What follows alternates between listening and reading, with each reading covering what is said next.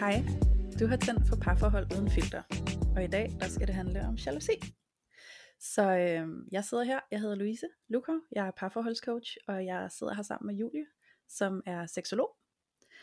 Hej Julie. Hej Louise. Så øh, jeg tænker, om ikke du kunne tænke dig at lægge ud omkring jalousi? Jo, det vil jeg da rigtig gerne. Ja. Fordi at øh, det er da også noget, jeg godt kan genkende i mit liv og i mit parforhold.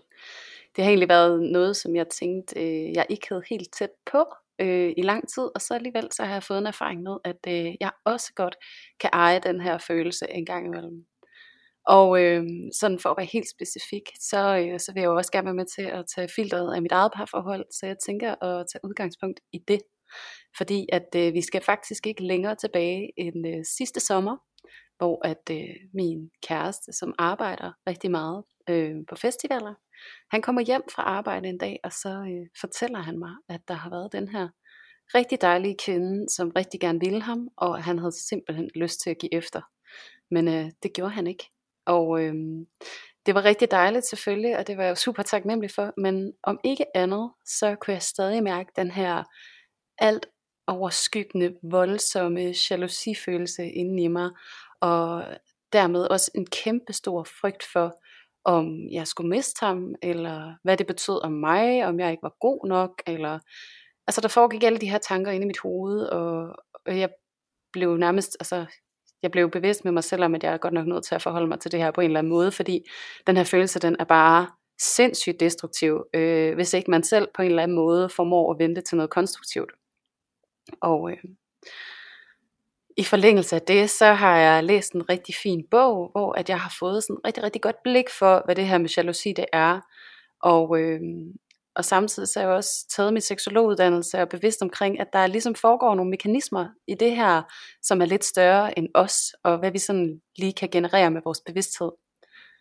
Øh, og nu bliver det sådan lidt teknisk, men øh, det er også et formål her med programmet. En ting er, at det er lidt personligt, og, og vi går selv lidt på klinge og kommer lidt tæt på. En anden ting er også at prøve at tage det op i noget, som gør, at vi lidt bedre kan forstå, hvad det er, der sker inde i os. Så dermed så vil jeg prøve at hive lidt fat i et biologisk perspektiv. Og øh, det er med udgangspunkt i ligesom at fjerne noget af den her skyld og den her skam, vi har omkring den her jalousifølelse og, øh, og prøve at afdramatisere det en lille smule og tage det lidt ned på et niveau, hvor vi bedre kan forstå det. Øhm, fordi at øh, jeg som kvinde kan jo blive utrolig ked af at høre, at min mand han har lyst til at være sammen med andre kvinder. Fordi øh, hvad siger det så om mig som kvinde? Er jeg ikke øh, god nok, eller er der bare nogen, der er bedre end mig? Og kan han måske finde på at give efter en dag? Og øh, så hjælper det lidt for mig at kigge lidt på biologien og hvad vi egentlig kommer af, fordi det kan fortælle os utrolig meget om lige præcis det her. Fordi at øh, som udgangspunkt, så er mænd jo sat i verden her øh, til at reproducere og sikre artens overlevelse. Det betyder også, at han i et eller andet omfang er lidt ude med radaren og øh, kigger lidt efter andre kvinder, og øh, det er faktisk ofte øh, langt mere ubevidst, end det er bevidst. Og øh, det er jo fordi, at han har en lille, men meget vigtig mission, som ligger fuldstændig latent i hans biologi. Og øh, på den måde, så kan jeg jo ligesom fjerne lidt fokus fra mig selv, og det er egentlig meget rart. Øh, fordi så behøver jeg ikke at købe så meget ind i alt det drama, jeg kan lave omkring den her følelse. Og så, øh, og så tænker man måske, at øh, jamen, gør kvinder også det? Ja, kvinder de er også biologisk set på en jagt, fordi de er jo også med til at sikre artens overlevelse, og de er ude efter det bedste genmatch. Og der er ligesom alle mulige forskrivelser for, hvad det gode genmatch det er. Det kan have noget med råstyrke, intelligens og mange andre ting at gøre. Så hvis vi som kvinder møder det i en mand, så kan vi også godt bevidst som underbevidst tænke, her er en god potentiel partner til at reproducere et potentielt godt nyt individ her i verden.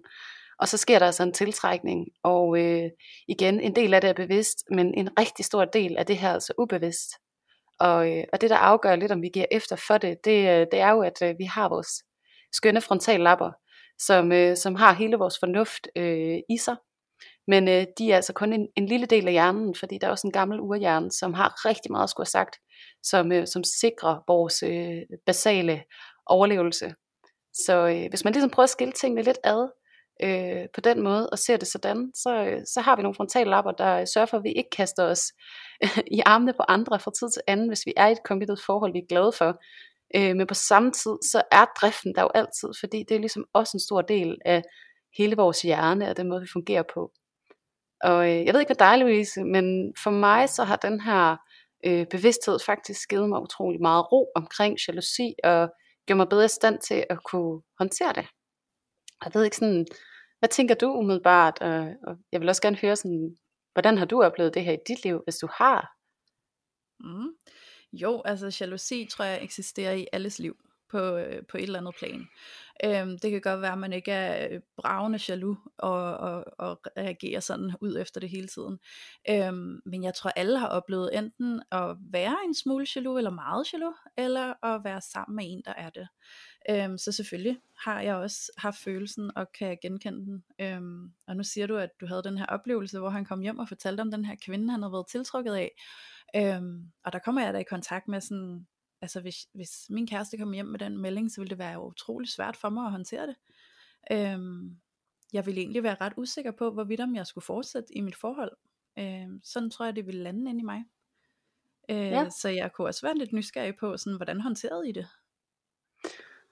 Ja, altså øh, vi går lidt i, i vores forhold, så er sådan en af de store principper, det er ærlighed ja. øhm, og ansvar. Og øh, han var jo meget ærlig omkring, det her skete i mig, og jeg tager ansvar for det mit, og det har faktisk ikke noget med dig at gøre, Julie, og det er dig, jeg har lyst til at komme hjem til, og det er dig, jeg kommer hjem til, og jeg gjorde ikke noget, fordi at det lige præcis er der, altså mit hjerte er, min bevidsthed er, men dermed så vil jeg ikke underkende, at min underbevidsthed, den også er der, og den også spiller et spil, og at den gør det nogle gange også på bekostning af, hvad jeg mener, jeg vil, Øhm, så der kan man også sige et eller andet sted, det kan også lyde lidt som en ansvars, ansvarsfralæggelse på en eller anden måde, men jeg synes faktisk, det er ret fint at, at stå over for mig som mand, og så eje, det her det er også en del af mig, og altså, ja, det var egentlig sådan, vi håndterede det, fordi jeg fik lidt den der, wow, du kommer faktisk hjem og fortæller mig det her, det æder med med et tydeligt tegn på commitment, fordi du kunne egentlig også bare have valgt at ikke sige noget, og så gå med det selv. Du kunne faktisk også have valgt at være sammen med den her kvinde. I stedet for så viser du en kæmpe kærlighed til mig ved for det første at sige nej i situationen, og ikke at give efter, og for det andet komme hjem og fortælle mig lige præcis, hvad der sker inde i dig. Ja. Øh, det synes jeg bare, øh, og det er jo igen, hvordan man vælger at se på det, fordi nogen hænger så meget i det, der er sket, og, og nogen de øh, hænger sig i sådan i hele situationen, og hvad den er et udtryk for. Og jeg synes det med, at man kommer hjem til et menneske, og ejer sig selv med alt, hvad man er, det, det, det er jeg sgu en sokker for. Det kan jeg godt, det, øh, det kan jeg godt tage ind i. Ja. Så det var egentlig sådan, vi håndterede det. Jeg var bare øh, super ydmyg og, og glad for, at, at han fortalte mig det. Og ja. også, at han håndterede, at jeg havde en reaktion på det. For det ja. gjorde han også. Han var sådan, jeg kan godt forstå, hvis det er noget, du bliver ked af. Øhm, men du skal også vide, at det har ingenting med dig at gøre, og jeg gjorde det ikke, fordi jeg har ikke lyst til at gøre det, Julia. Jeg kan godt mærke, at jeg har lysten i et øjeblik, men jeg har jo ikke lyst til at gøre det. Nej. Og, og det er jo også noget, jeg synes er spændende at, at vende lidt rundt, ikke? fordi øh, jeg har faktisk så meget, jeg gerne vil sige til det her. Jeg ved næsten ikke, hvor jeg skal starte. Men øh, fordi jeg tænker, at kvinder har jo også øh, oplevelsen nogle gange af at møde en mand, eller se en mand, eller være i nærheden af en mand, som de er tiltrukket af. Øhm, og som kvinde kan vi jo også godt have den her fløtende tanke, øhm, når, vi, når vi ser en tiltrækkende mand, uden at det betyder, at det på nogen måde er en trussel for vores partner derhjemme. Fordi vi mm. godt ved med det fulde i os selv, det er ikke noget, vi har lyst til at gøre noget ved. Men der opstår bare lige en kemi, der opstår bare lige et eller andet, som man kan mærke, og som måske er bare lidt hyggeligt og lidt livsbekræftende at mærke uden at det behøver at betyde noget. Øhm, og det tænker jeg er ret vigtigt at, at sætte i perspektiv i forhold til, at det er det samme, der sker over i din mand nogle gange. Mm, lige præcis. Så det er nemlig også sådan, jeg ser det. kommer nogle, øh, nogle øh, yderligere veje, ikke? Jamen helt sikkert, helt sikkert. Ja. Det er også det, altså det er jo ikke, det er jo ikke forbudt at have en følelse. Men det kan blive problematisk, når vi ikke vedkender os vores følelser, ejer vores følelser og vil stå til ansvar over for dem, når vi har committet ja. os følelsesmæssigt med et andet menneske. Ja, og jeg tænker egentlig også, at øh, den måde du var øh, på i det her, øh, kræver jo også noget særligt, fordi man skal nok have en eller anden vis form for sådan selvsikkerhed og og, og sådan ro i sig selv, for at kunne håndtere det, som du gjorde. Øh, for jeg tænker, hvis man i forvejen er meget usikker på sig selv, så kan det være enormt svært at håndtere, og enormt svært at skulle tilgive og få sådan en besked fra sin kæreste. Øh, fordi der tror jeg netop, at der ens hjerne kan løbe afsted med en, og ens følelse kan løbe afsted med en, og det bliver meget dramatisk op i hovedet. Ikke? Øh, så, så fordi jeg ser jo egentlig også, at jalousi øh, rigtig meget i virkeligheden bare handler om en usikkerhed. Og at, øh, og at jalousi, der kommer til udtryk i, i adfærd, er en afsløring af den usikkerhed, der bor i os. Hmm. Ja. Jamen, jeg er helt ja. enig.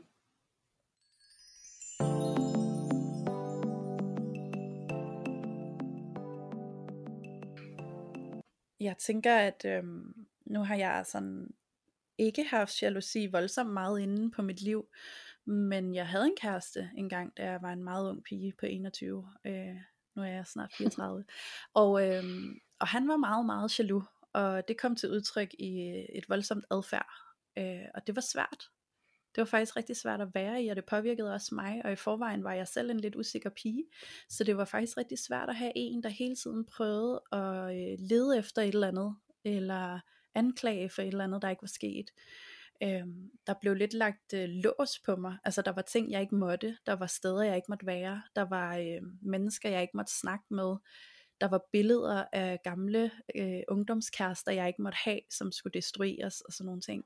Det er jo enormt voldsomt at mm. være i. Øhm, og det gør jo rigtig meget ved et menneske, hvis man er i det, og hvis man i forvejen er lidt usikker selv, og ikke stærk nok til at sige stop, eller sige, øhm, det her, det kan jeg ikke være i, det er jeg nødt til at forlade. Eller hvis man ikke er i stand til at være i det overskud, hvor man kan se, hvor meget det faktisk handler om, at den anden ikke har det mm. godt.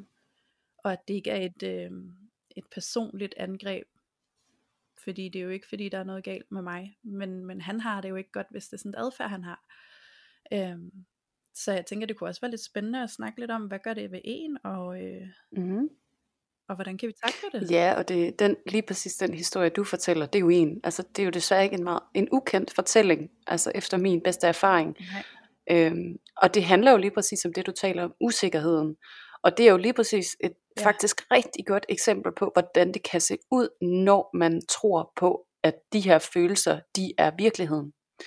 I forhold til at ja. vende den om, og så sige, at de her følelser bare er en reaktion på virkeligheden, og hvorvidt øh, har de en reel magt, og hvorvidt er det mig, der giver dem magt.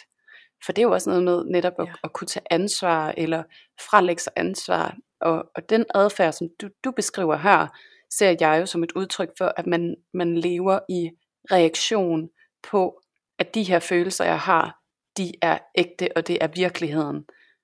Øhm, og, mm. og det kan jo netop blive sådan utrolig øh, dominerende i ens liv og i ens parforhold, og faktisk destruere utrolig meget. Og det er nok også noget af det, som, som jeg tænker, og du, du må undskylde, hvis jeg kører ud af spor nu.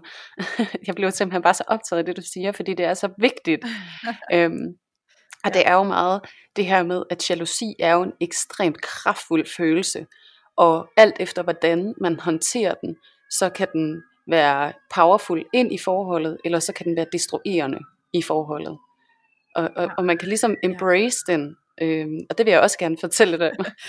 Må jeg lige prøve at afbryde ja. her? Hvor er det fint, at der lige kommer sådan en dramatisk ambulancelyd i, ja. i baggrunden nu, hvor vi snakker ja, om det her. corona. sådan er det god undertone ja, her. Ja, det er godt. ja. Ja, ej, men øh, ej, det ved jeg ikke, om du vil fortsætte nu, fordi ellers så vil jeg helt vildt gerne fortsætte, fordi jeg har sådan en mega godt øh, kick-in lige til det her. Øh, Jamen, så okay, jeg tager det så. Ja. Det er fordi, at øh, jeg er lidt stor fan af en kvinde, som har skrevet en virkelig vidunderlig bog, der hedder Mating in Captivity. Og hun hedder Esther Perel, hvis ja. der er nogen, der vil tjekke lidt ind i hende. Og hun er psykoterapeut. Og hendes bog er også øh, som lydbog på Mofibo. Og øh, jeg skal bare lige advare, hun, hun har sådan lidt en, øh, en fransk udtale, men, øh, men hvis man er virkelig ihærdig, ligesom jeg selv, så skulle man nok kunne drage noget betydning ud af bogen alligevel. Men det der er med det, det er hendes pointe, den er nemlig, at den her jalousi, den er så sindssygt kraftfuld. Og hun formulerer det sådan, at hun siger, måden at håndtere jalousien på, det er to invite the shadow in. Altså invitere skyggen mm. ind, og skyggen her, det er jalousien. Og skyggen udfolder hun som tanken om den tredje. Og det kan være den tredje mand eller kvinde. Det er den der udforstående person, som ikke er i forholdet, som man kan have tanker om, som, altså som den ene eller den anden part. Og så tænker man så, okay, hvad mener du med det, Julie? Det lyder sådan ret komplekst, og derfor så folder jeg det lige ud. Ja, ja det. fordi det er ligesom, at, at når du går ud som kvinde, nu siger du selv, du kan også godt gå ud og være tiltrukket af en mand, og prøve i et eller andet format at, at, at overgive dig til det i tanken, men du vil ikke gøre det. En ting er, at du har den her oplevelse med dig selv, men det, i det du gør den fortrolig med din partner, så bliver det faktisk noget, som I to I kan skabe noget omkring, og have bevidsthed omkring, og faktisk lege med. Og det, det gør, hvad det lyder sådan lidt, du tænker, okay, hvordan kan vi lege med jalousi? Jamen, jalousi er en meget kraftfuld følelse, og vi kender også, altså som seksolog, så, øh, så er der en hel skala af sexfantasier, som er jalousifantasier. Det kan være tanken om, at der er en tredje part nede i soveværelset, en kigger på, eller at man låner sin partner ud, eller ja, jeg går ikke mere ind i det, men der er tusind forskellige fantasier, og når vi seksualiserer noget, så er det ofte fordi, at vi undertrykker det. Vi forholder os ikke til det, det lever bare latent i vores underbevidsthed. Men hvis nu vi siger, at vi tager alle de her tanker, al den her lyst, al den her jalousifølelse, som har så meget power op i vores forhold, så kan vi faktisk lege med den. Og øh, mm. der er Esther Perel, hun kommer med nogle eksempler fra nogle af de parterapier, hun har haft, hvor at øh, en kvinde i parforhold, hun ved, min mand, han tænder på blondiner, og hun er selv brunette. Og så tænker hun, okay, hvordan kan vi lave noget, noget tension i vores forhold, på baggrund af, at jeg ved det her. Og kvinden, hun vælger at tage en fin blond paryk på, og klæde sig fint på, og gå op på sin mands arbejde, og invitere ham ud på frokost. Fordi så leger de faktisk med en jalousi-fantasi, at han er sammen med en blondine, men de mm. gør det sammen. Og det er bare en måde, man kan sådan invite the shadow in.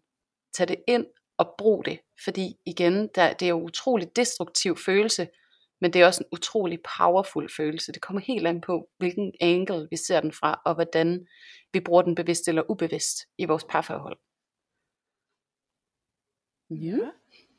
Så jeg tænker, at det er jo enormt spændende det, som du fortæller om her. Men jeg tænker også, at øh, der skal en vis portion tryghed til, før at det der det er noget, man har adgang til 100 procent. Øh, fordi jeg kommer i kontakt med sådan, okay, så lad os antage, at min kæreste, han, øh, han tændte på, øh, ja, hvis jeg var brunette, og, og han godt kunne lide blondiner eksempelvis, så vil jeg føle en eller anden form for, ja, jeg ved ikke, hvordan jeg skal beskrive det, men hvis jeg ligesom skulle have den her paryk på, og så tænder han på mig, mm-hmm.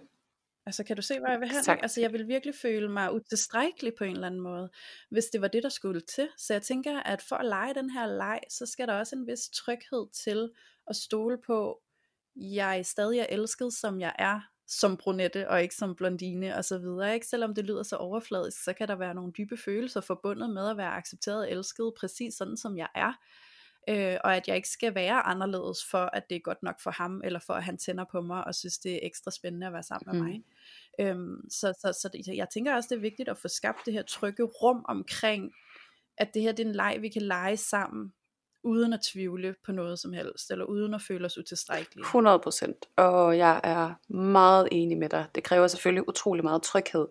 Øhm, og en helt anden ting, som også er super relevant ind i det her, øhm, og det er næsten et helt afsnit for sig selv. Altså det er jo også den der øh, altså evnen til at kunne elske sig selv. Øh, for at kunne ja. elske sin partner fuldt og helt og udleve parforholdets fulde potentiale. Øh, fordi parforholdet det er en legeplads. Øh, derfra hvor jeg ser det. Og nu skal jeg slet ikke sidde og lyde heldig, fordi at jeg synes faktisk ikke engang selv, at jeg formår det her. Øh, det gør jeg nogle gange og i nogle perioder. Øh, og sådan er det måske for de fleste af os, fordi det handler ikke om at være perfekt, det handler ikke om at kunne eksekvere det her, men det handler om at have en bevidsthed omkring, at du skal altså elske dig selv, før du kan elske en anden, og elske med en anden. Og jeg tror på, ja. at hvis vi genererer den her selvaccept, den her fulde accept af os selv, for dem vi er, og alt det kærlighed, som følger med det, så bliver vi faktisk i stand til at kunne lave de her lege ind i et parforhold, uden netop at tage det personligt, eller generere en usikkerhed, fordi at man ved med sig selv, jeg er skøn, og jeg er dejlig, og jeg er okay. og det her, det er bare en sexfantasi, ja. min partner har, og det er faktisk slet ikke noget med mig at gøre. Det er bare sjov, vi leger bare. Så den der ja. vide, altså det der med at være velvidende, at jeg er okay og perfekt og dejlig, lige præcis som jeg er, det, det er en forudsætning for, at det andet, det kan lade sig gøre. Og, og, og der er det også bare, og igen, det er et helt, næsten et helt andet afsnit det her, det her med at kunne omfavne sig selv fuldt og helt, øh, for også at kunne blive der en partner. Ikke? Men det er sgu næsten en samfundstendens, at, øh, at vi ikke elsker os selv ret meget, og vi har brug for utrolig meget gratification. Altså anerkendelse af vores omgivelser med sociale medier og det ene og det andet, og vi skal have nogle likes, og vi skal have nogle followers, og vi skal have noget, nogle klap på skulderen, og, altså, det, og det er jo også, altså, det er, jo, det er jo det, som vi er nødt til et eller andet sted at aflære, og, eller ikke at være så afhængige af. Fordi lige nu så er vi utrolig mm. afhængige, og det er også af vores partner, den der gratification, du skal elske mig fuldt og helt, lige præcis som jeg er. Mm. Og det er også bare meget at bede om, synes jeg. Øh, men om ja. ikke andet, så det er jo stadigvæk noget, vi alle sammen ønsker og længes efter og drømmer om. Så, så... Og gør vi i virkeligheden det, fordi vi mangler at give os selv det, tænker jeg? Ja. Fordi jeg tror også, der ligger en, en, et stort ansvar i, når vi ligesom pådutter vores partner det her ansvar om at give os bekræftelse og få os til at føle os elsket og accepteret og alt det her, hvor er det den mangel lever i os selv? Fordi ellers så, så vil vi jo tage det ansvar, og så vil vi nyde vores partner og egentlig fokusere meget mere på, hvor fantastisk han er, i stedet for at fokusere på, hvad, hvad skal han gøre for at fylde mig op? Øhm, men det er jeg ikke selv mm. fylder op. Og, øhm, og her har jeg lyst til at komme ind på noget, hvis, hvis, hvis Helt okay. ja, så øh, fordi jeg sidder og kommer i kontakt med det her, øhm, jeg har selv været der, og jeg har også brudt ud af det, og nu vil jeg lige forklare, hvad det handler om. Så i et parforhold kan vi godt øh, søge denne her symbiosetilstand. Mm.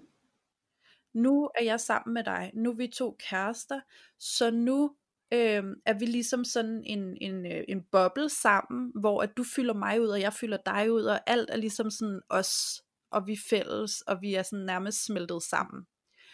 Øhm, og når vi gør det, så tror jeg netop, at den her jalousifølelse virkelig får øh, plads til at gro og vokse, fordi så skal der ikke ret meget til, før vi føler, at vores partner måske afviger. Mm.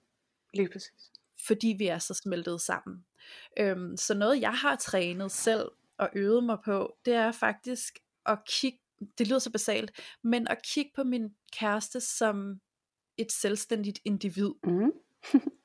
og, og, og ikke kigge på ham som en forlængelse af mig, eller en sammenkædning til mig, men kigge på ham som et selvstændigt individ, og tale til ham mm. sådan.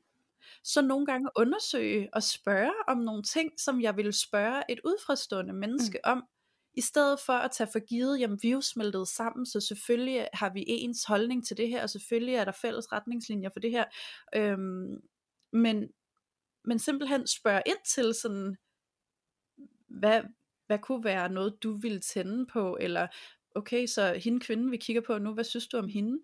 Altså sådan tage den der ud, hvor det ikke længere er personligt om mig, når jeg stiller sådan et spørgsmål, men faktisk en interesse i at forstå ham og kigge på ham og sige, hvem er du egentlig som individ, og ikke som sammensmeltning lige til mig. Præcis. Ej, du rammer bare hovedet så meget på sømmet lige der. Fordi det er så mega rigtigt. Altså det er sådan, hvor, hvor forventer vi, at den her altså opfyldelse af os selv, den skal komme fra. Og der siger hende Esther faktisk lige præcis ind i ja. det her, at øhm, jeg ved ikke, hvad det er, du ser, når du ser andre. Og jeg ved ikke, hvad det er, de ser, når de ser dig. Og det er jo den her evige invitation øh, og opmærksomhed på at være nysgerrig omkring vores partner. Og netop som du siger, ikke se os som et symbiotisk enhed, men to forskellige individer, mm. som skal sammenskabe noget. Og, og det, vi kan jo hurtigt, altså vi kan jo enten vælge, at nu vækster vi noget imellem os, som er større end os to, eller så afvikler vi det, fordi ja. vi ligesom prøver at holde hinanden i nogle kasser, som vi har et eller andet sted, bevidst eller ubevidst forudbestemt for hinanden. Ikke? Og det er desværre ofte det, der sker. Og, og der, hvor jeg kommer fra, der taler vi faktisk om det her som sådan en usynlig kontrakt. Og det er, at, at i vores ja. opvækst øh, med vores nære omsorgspersoner, så er vi øh, blevet skammet på nogle ting, og vi er blevet fremhævet på nogle ting. Øhm, og der bliver vi som øh, små hele individer brudt lidt op i nogle små stykker. Og øh, der kommer nogle huller, hvis man kan se det sådan. Og jeg plejer tit, så tegner en cirkel og siger, der er en hel cirkel, det er da du blev født, der mangler ingenting. og så tegner en stiplet cirkel og siger, det er efter, det er postopdragelse, den her stiplede cirkel. Der er nogle kvaliteter, som du er blevet fremelsket på, det er der, hvor der stadig er linjer, og der er nogle kvaliteter, som du er blevet udskammet på, og det er der, hvor der mangler noget. Ja. Og alle de her kvaliteter, som du ikke er blevet omfavnet i, eller blevet anerkendt for, de ligger faktisk inde, latent inde i dig, og vil gerne integreres med resten af dig. Og tit når vi så finder en partner, så bliver alle de her kvaliteter, vi stadig gerne vil anerkendes for, de bliver skrevet på en kontrakt. Og fuldstændig ubevidst, så går vi ind, og så forventer vi, at vores partner efterlever og lever op til den her kontrakt. Alt det, som jeg har manglet i min barndom, alt det, jeg har fået for lidt af, det skal du nu fylde mig op på. Og der er, og jeg vil gerne, jeg vil våge påstå, at det er sådan 95% af, af befolkningen, som ikke er bevidst omkring det her, fordi det var jeg med ikke.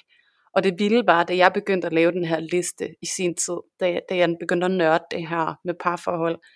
Hold nu kæft, hvor kunne jeg bare se alle de krav og forudsætninger, jeg havde til min partner, i forhold til, hvordan han skulle være i mm. relation til mig, på noget, som jeg kunne spore ja.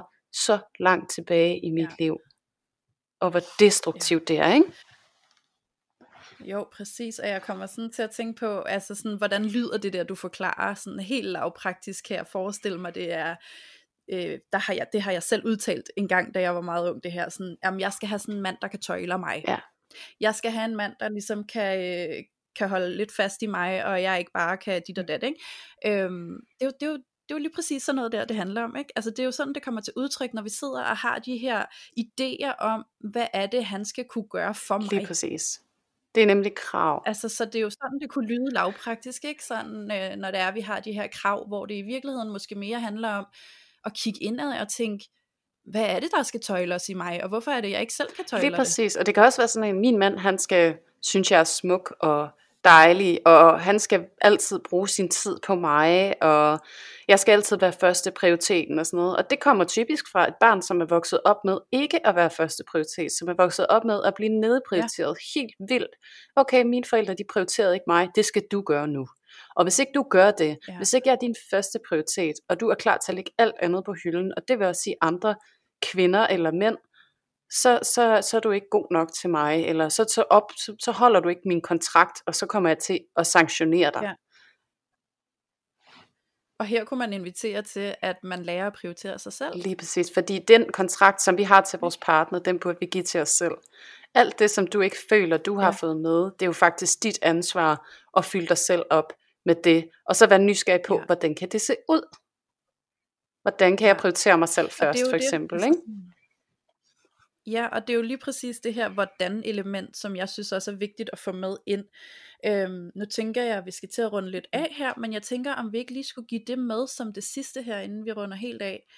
Så hvordan kan man helt lavpraktisk arbejde med det her med at, at gå ind i sig selv og lige få opfyldt de her krav i sig selv først og fremmest? Mm.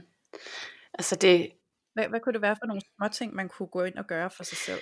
Altså det er jo, øh, hvis man for eksempel, som nu taler jeg jo også, øh, det er jo altid nemmest at tale fra sig selv, men i hvert fald for mit vedkommende, så er jeg jo øh, studerende, og jeg er seksolog, og nu er jeg også podcaster, og jeg er også mor, og jeg er også kæreste, og jeg er også veninde, jeg er en datter. Jeg er simpelthen så mange ting, og jeg kan godt have en tendens til at tilsidesætte altså mig, og bare mig, for at kunne være 100% ind i alle de her relationer, jeg har.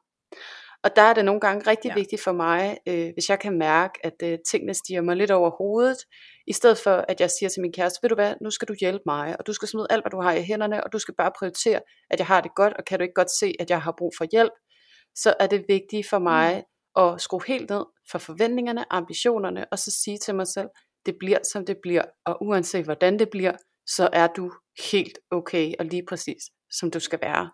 Sådan at jeg ikke forbinder ja. mit værd med det jeg præsterer, men den jeg er, og at det at jeg formår at være, det, det er en kæmpe gave til mig. Og så giver jeg mig selv mm. noget af det, som jeg længest allermest efter i det. Og Hvad kunne det være, du gav dig selv lige der? Det kan være, at jeg giver mig selv en øh, eftermiddag, hvor jeg synes, jeg skulle læse en hel masse. Den giver jeg mig selv inde i min seng, under min dyne, med Netflix. Ja. Altså, det er så lavpraktisk. Ja. Og så prøve at slå alle de tanker ja. ud af hovedet imens om alt det, jeg burde lave. Vaske tøj, opvask, øh, sidde og spille øh, Ludo med mit barn, eller et eller andet. For det er sgu okay, og det er vigtigt også, altså nu bliver det sådan en lille morkommentar, men det bliver fandme også vigtigt at lære sit barn det her. Og det gør vi altså kun ved at gøre det mm. selv. Og at jeg siger til min søn, ved du hvad skat, i dag så kan jeg mærke, at jeg er bare rigtig træt, og jeg har brug for at være sammen med mig. Så jeg går ind på værelset, og så gør jeg det her, og hvad har du så brug for? Hvad kunne du tænke dig? Og så finder vi ud af i fællesskab, jamen hvordan kan han være i et ret space med sig selv, og at samtidig så kan jeg vise ham, at det er okay, at jeg fortæller, hvad jeg har brug for. Ja, er præcis. Det er jo monkey see, monkey do, og ikke at, øh, at barnet gør, som der bliver sagt, men barnet gør jo, hvad de ser, der Lige bliver præcis. gjort. Hvad tænker du sådan? Så at give den bevidsthed videre. Altså, jamen, øh, hvad tænker jeg? Altså, jeg kunne faktisk godt tænke mig sådan lige at komme lavpraktisk ind på det her med, hvordan kan vi trække ud af den her symbiose, hvis vi er i en symbiose med vores partner. Så hvordan kan vi begynde at betragte vores partner som et øh, selvstændigt individ, som vi som vi taler til og stiller spørgsmål til, som vi vil gøre end hver anden, som vi ikke var koblet op på mm. på den måde. Øhm, så, så det første jeg kunne tænke mig at, at invitere til, hvis man gerne vil øve sig i det og træne det, det kunne være sådan noget som at kigge på celebrities. Kendte mm-hmm. mennesker, fordi hvis du har anlæggende til jalousi, eller din partner har, så kan selv det være svært at sidde og udtale sig om, om man nu synes en skuespiller eller en sangerinde er mm. flot eller hvad man ser i den sangerinde eller skuespiller af charme eller karaktertræk, som man synes er, er fede og tiltrækkende osv. Øhm, så det kunne være at, at, at begynde at stille din kæreste nogle spørgsmål, hvor du faktisk øh, bliver nysgerrig på at, at se hans verdensperspektiv, eller hvad man skal sige, hans syn på verden og på de mennesker, der er i verden.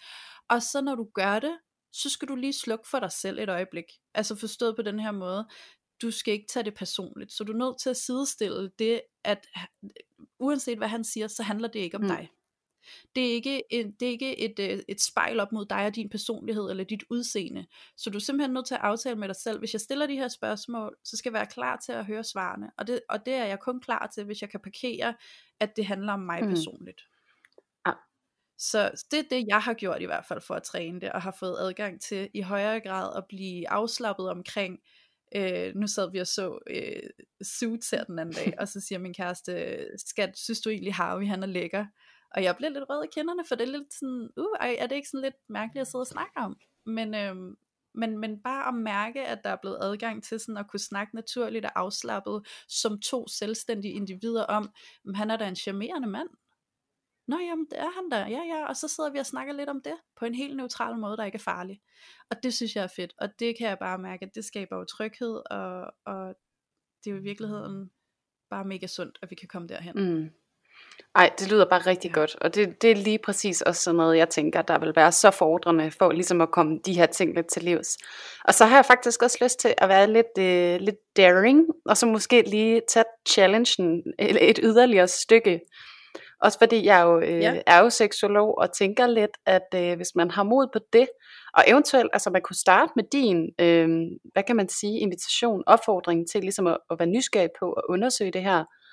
Og hvis man så tænker, at man gerne vil gå lidt mere ind i seksualiteten øh, i relation til den her udforskning, så øh, kan man faktisk med fordel øh, spørge sin partner, hvad det er for noget porno, de ser.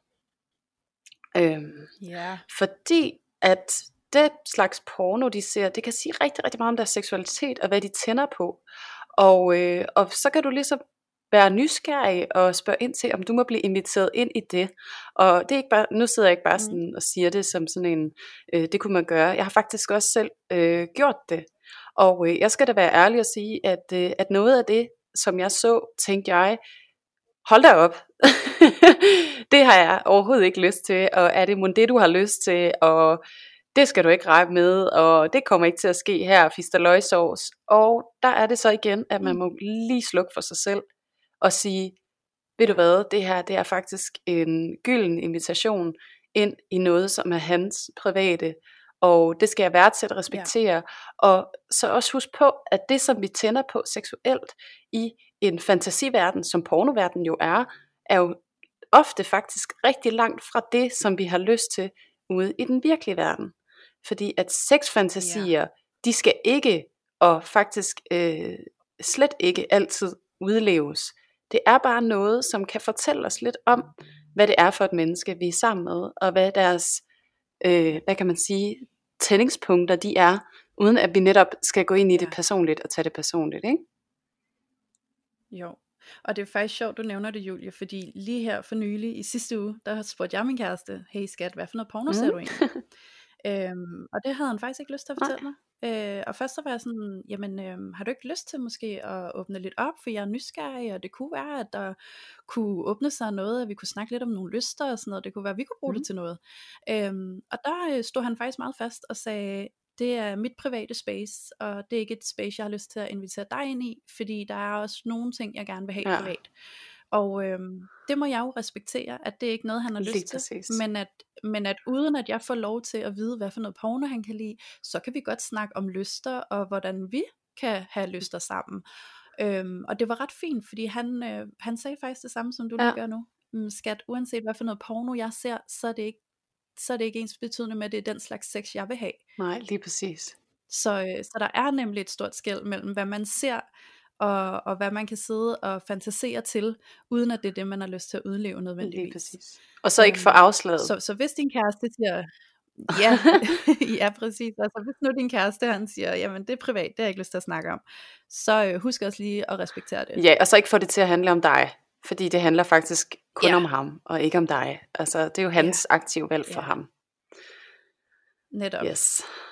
Men øh, Fedt Men, Tiden er øh, også ved at være gået, ikke? Jeg tænker, ja lige præcis. Og jeg tænker jo, at øh, jeg har lyst til lige at fortælle jer alle sammen, at vi har oprettet en loge mm-hmm. inde på Facebook. En Facebook-gruppe, der hedder Parforhold Uden Filter Lotion.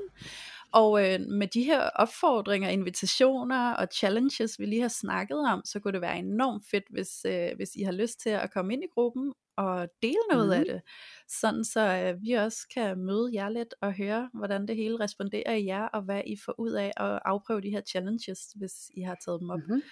Så, øh, så det kunne være mega spændende, hvis I ja, vil det. Jeg håber virkelig, I har mod på det, og øh, gruppen er også bare et forum, hvor I ligesom kan tabe ind i, hvad der rører sig for jer, og dele det, og vi prøver på bedste vis at skabe et community, hvor der er plads til dig, og plads til os, og vi ligesom kan afmontere det her filter sammen. Så øh, ja. det er en lille lukket gruppe øh, for parforhold, fuldstændig uden filter. Så. Ja, den er lukket og privat og fortrolig, så uanset hvad du skriver derinde, så er der ikke nogen af dine Facebook-venner, der kan nope. se med. yes. Så øh, kom og join os yes. i logen.